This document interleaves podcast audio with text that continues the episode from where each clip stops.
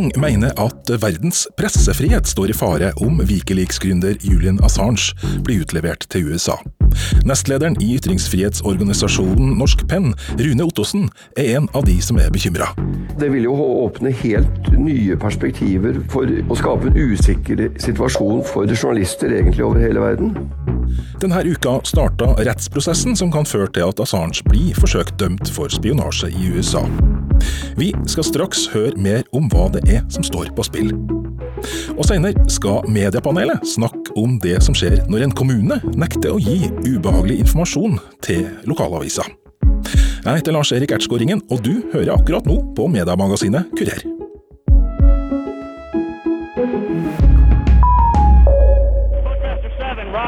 Bushmaster 7, Roger, engage. 1-8, engage, clear. Come on. Dette er lyden av en krigsforbrytelse.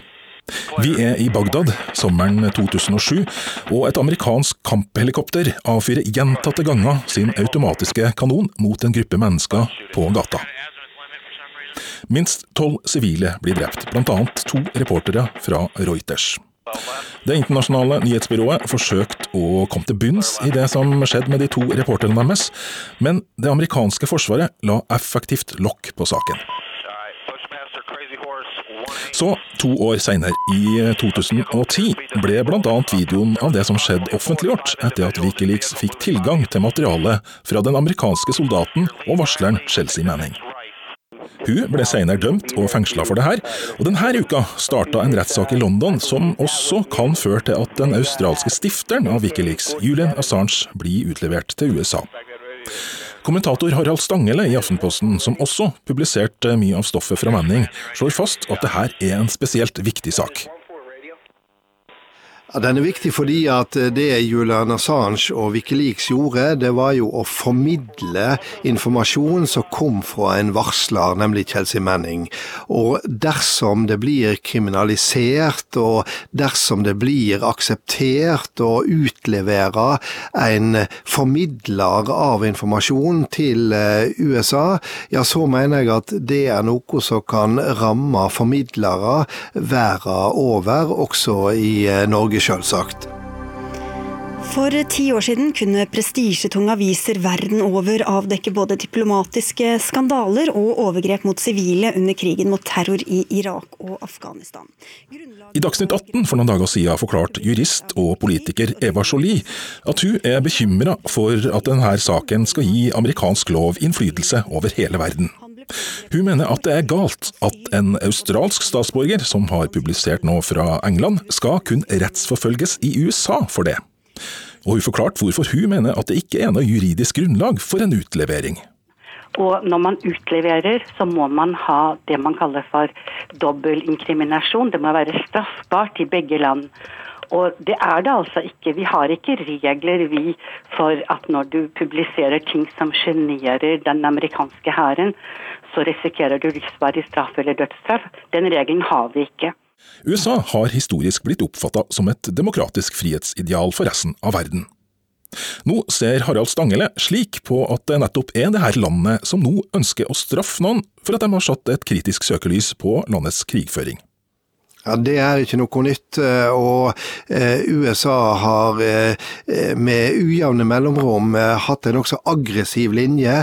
Det har gått litt i bølgedaler, men mange av oss husker jo fortsatt The Pentagon Papers, som The New York Times offentliggjorde i 1971, der, Daniel Ellsberg lekka informasjon om hvordan det egentlig sto til med og i Vietnamkrigen informasjon som ble var tallet skjult for det amerikanske folket, eh, og eh, som var med å skape en stor debatt som endte med Vietnamkrigens slutt. Uh, how can you measure the jeopardy that I'm in?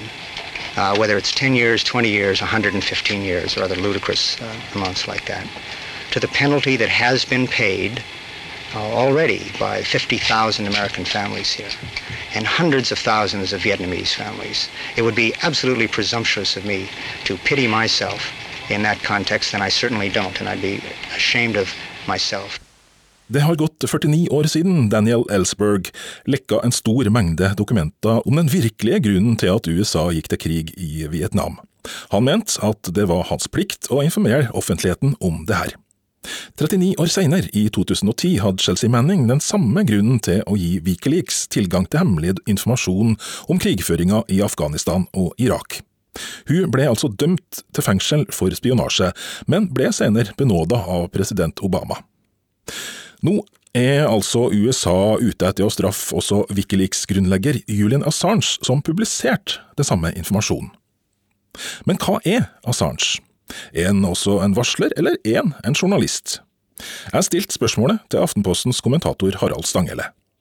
Nei, han er ingen av delene. Uh, han er en formidler av informasjon som blir lekka til han. Uh, og uh, noe av det som gjør at en del av oss er kritiske til han, er jo at han ser helt bort ifra personvern. Han har offentliggjort dokumenter som har sett liv i fare. Og selvsagt også hans bidrag direkte inn i presidentvalgkampen i 2016, da han offentliggjorde masse e-poster som var hacka i Det demokratiske partiet, og der russiske kjelder står bak, eh, og slik ble han en aktør. Men eh, mye av det som er lekka, har vært viktig, og det han er eh, spiontiltalt for i USA, det er jo avsløringene som ble lekka fra eh, krigen i Irak og i Afghanistan, altså det som skjedde i 2010. Det viktige første punktet i den amerikanske grunnloven slår fast at alle innbyggere skal ha ytringsfrihet, og at pressen skal være fri. Og i vestlige demokrati som Norge og USA blir journalistenes rett til å skrive hva de vil, beskytta. Men mener Stanghelle at Assange fortjener den samme beskyttelsen? Ja, han burde ha rett på det, fordi at her er han en formidler, eh, og ikke eh, en varsler som har mottatt eh, informasjon i betrodd stilling, og som har eh, bråte en taushetsplikt. Julian Assange har ingen taushetsplikt i si formidlerrolle. Det amerikanerne ville ha fatt i han for, det er jo det som ble eh, formidla av avsløringa av krigene i Irak og, og, Afghanistan og en masse andre ting i 2010. Det er f.eks. ikke eh, eh, at han er eh, anklaga for å ha gått russernes ærend under presidentvalgkampen i 2016.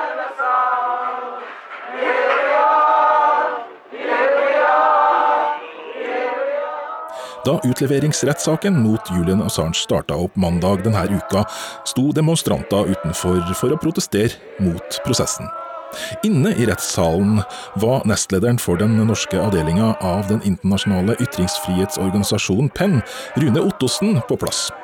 Men han har ikke fått mulighet til å snakke direkte med Julian Assange. Nei, han er det jo ingen som får treffe. Han sitter jo bak en glassvegg i, et, uh, i fengselet. Men jeg har jo hilst på hans far og bror. Nestlederen i Norsk Penn sier at det er mye som står på spill.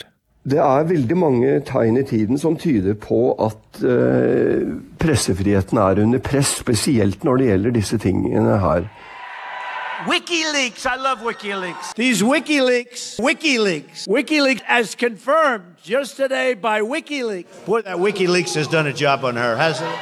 We've learned so much. Under presidentvalgkampen i 2016 var Donald Trump eh, tydelig på at han var fan av Wikileaks. Grunnen var at nettsida offentliggjorde tusenvis av e-poster som ramma motstanderen hans, Hillary Clinton. Som president tyder mye på at Trump ikke lenger er like stor fan av Wikileaks. Obama-administrasjonen bestemte seg for at det ville bli for vanskelig å rettsforfølge Julian Assange, fordi det da også ville bli naturlig å forfølge de amerikanske mediene som hadde publisert det lekka materialet. Nå mener administrasjonen til Trump at amerikanske medier skal være beskytta av den amerikanske grunnloven, mens Assange, som er australsk statsborger i Europa, i deres øyne ikke har krav på den samme beskyttelsen. Og det åpner jo veldig skremmende perspektiver. Hvis eh, en australsk journalist kan bli utlevert til USA for noe han har publisert egentlig i Europa, og så stilt for retten i USA og risikerer 175 års fengsel, det bør jo få noen og enhver til å tenke seg om hvilke langsiktige konsekvenser det kan få for andre reportere som publiserer hemmelig materiale som man har fått via andre. Det er jo eh, helt vanlig undersøkende journalistikk å publisere hemmeligstemplet materiale som man får via andre. Det er uh, veldig mange kjente saker hadde jo aldri blitt journalistikk hvis ikke man hadde gjort det. Så jeg forstår egentlig ikke hvorfor ikke flere medier ser det prinsipielt viktige i denne saken. Ja, for Hva syns du om dekningen av denne saken i norske medier? Nei, Jeg syns at den er, har vært uh, mangelfull, og delvis Altså altfor lite dekning og altfor lite fokus på det prinsipielle, og altfor mye fokus på ting som blir brakt opp for Du kan si av hans motstandere for å ikke diskutere det prinsipielle. Det er fullt mulig å diskutere om vi burde skrevet mer, eller om vi burde skrevet mindre. Eh, det som eh, en del har, har hevda, er jo at vi burde vært aktivister på Julian Assange vegne, og ukritisk godtatt alt det han kommer med. og eh, Jeg har jo skrevet kritisk om hans rolle under presidentvalgkampen i, i 2016, og får da beskjed om at dette er å dolke Assange i ryggen. og og det er på en måte for meg en helt forfeila måte å være en uavhengig kommentator eh, på. der det er aktivistens privilegium eh, å lukke øynene for alt en ikke liker med den saka og den personen en kjemper for, men hvis du skal være en kritisk journalist, en kritisk og uavhengig kommentator, ja, så må en også se de vanskelige og problematiske sidene Eh, ved også en person som Julian Assange. Rune Ottosen i Norsk Penn er likevel skuffa over det han mener er manglende engasjement fra norske media og redaktører. Jeg syns de må skjerpe seg og se at dette kan gjelde dem selv i neste omgang, hvis ikke dette blir eh, reist på et prinsipielt grunnlag. Geir Ramnefjell er politisk redaktør i Dagbladet.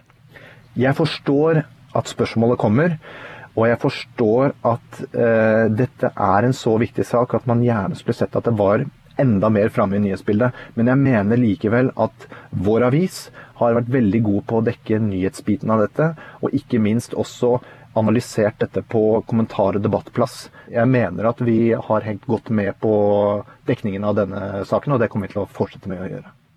Ramnefjell innrømmer at det kan være utfordrende å holde på lesernes engasjement i en så omfattende, komplisert og langvarig sak som det her, og at det kan være en grunn til at det ikke skrives flere saker.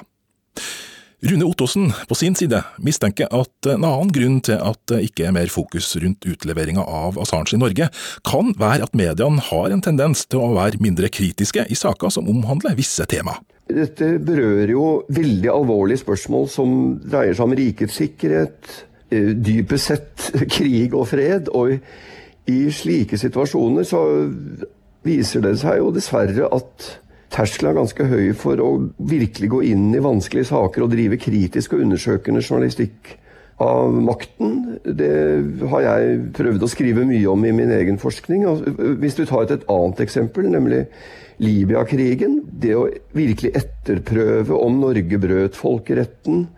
Eh, hva skjedde med disse krigsmålene, hvor norske piloter slapp 588 bomber? Jeg har ikke sett noe særlig vilje til å virkelig bruke tyngde i journalistikken på å finne ut slike svært viktige spørsmål.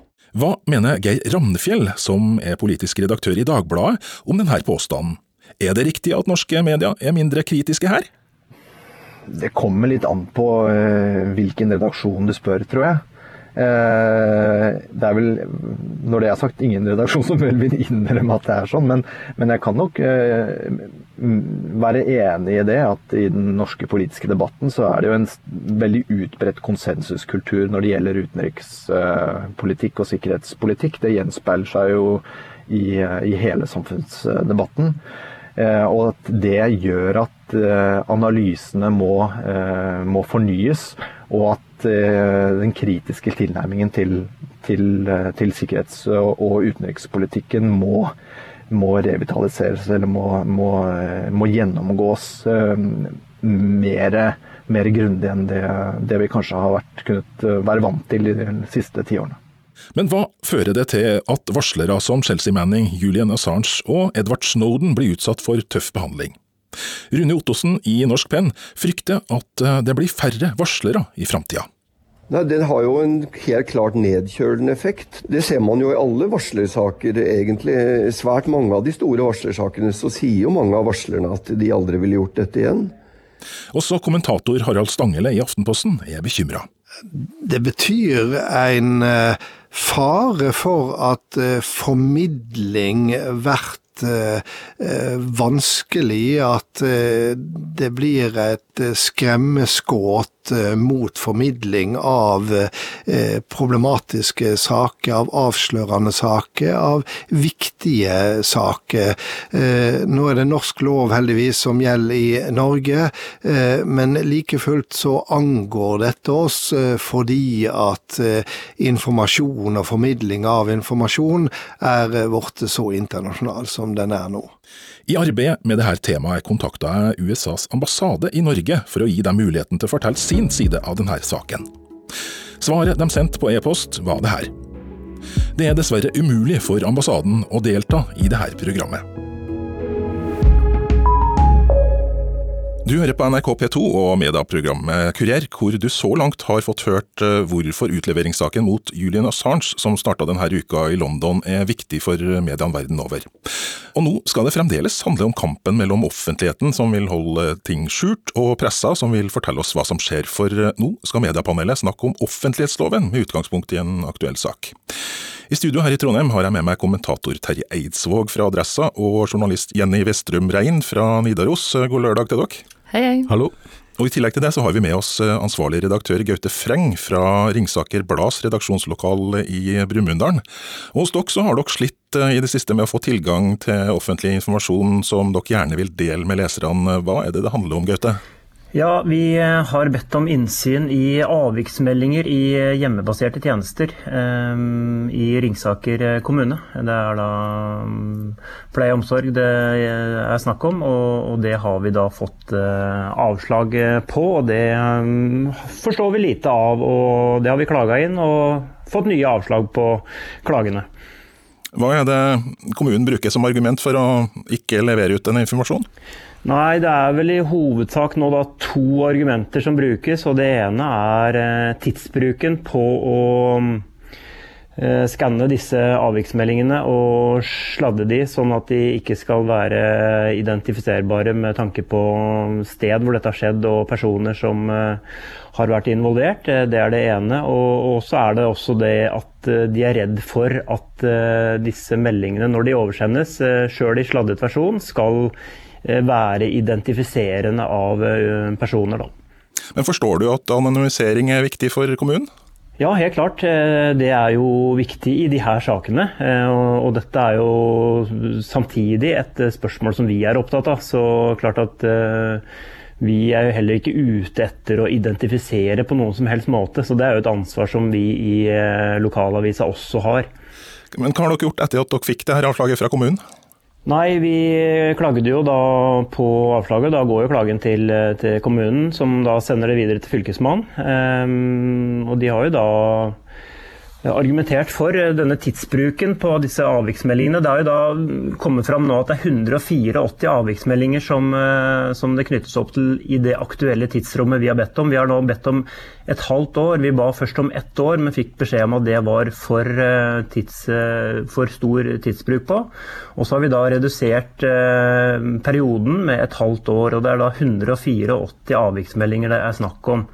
Eh, og De har også da satt en tidsbruk da på dette. Så Vi har klaga til Fylkesmannen, og Fylkesmannen har gitt medhold til kommunen i denne saken. Og vi er fortsatt eh, overraska over eh, disse avslagene. Hva tenker du som redaktør på at du får avslag på innsyn i de her sakene? her? Nei, Jeg syns jo det er trist, fordi at uh, dette er aktuelle saker. Uh, og har Kommunen har jo ingenting å tape på å være åpne uh, i denne saken. Og det er helt klart at det er viktig å få fram disse situasjonene for å få i gang en diskusjon, og også få i gang eh, kommunens arbeid med tanke på å forbedre seg i aktuelle rutiner og situasjoner som oppstår i pleie og omsorg. Det her handler altså om offentlighetsloven, Jenny. Mm. Eh, og det er sikkert mange som sitter og hører på her som kanskje ikke har vært så mye borti den. Kan du forklare hva offentlighetsloven er? Ja, offentlighetsloven sånn som vi kjenner den i dag, den har vi jo fra 2006. Eh, og den sier jo noe da om rett til innsyn i dokumenter i alt det offentlige organisasjoner og virksomheter. Og det her bygger jo da på offentlighetsprinsippet, som sier egentlig at alt av dokument som er hos en offentlig organisasjon eller myndighet, skal være fritt tilgjengelig for enhver som ønsker. Og så er det selvfølgelig visse unntak, men det er da grunnprinsippet. At man skal kunne søke innsyn i alle offentlige dokumenter. Mm. Og Dette er en lov som ikke bare er for journalister, Terje, men det er òg en lov for alle sammen som lytter på nå. Alle mm, borgere. Og så har den eh, i tillegg en, en veldig viktig eh, særbestemmelse, som, eh, som Gaute var innom, nemlig eh, om såkalt meroffentlighet. Hvor, eh, hvor det jo heter at eh, det er ofte taushetsbelagte opplysninger som er den vanligste begrunnelsen for å nekte innsyn. Men bestemmelsen om mer offentlighet sier at Eh, myndighetene skal vurdere om det kan gis innsyn, selv om det finnes grunner for å ikke gjøre det. Eh, ergo så er, er, er, det her en, en, en, skjerpelse som gjør at det er et ekstra pålegg til å vurdere eh, om det er så fremt mulig er, mulig å gi innsyn, også i saker hvor det kan herske tvil. Men hva syns dere om denne saken som Gaute Freng fra Ringsaker Blad nå har, har fortalt oss om?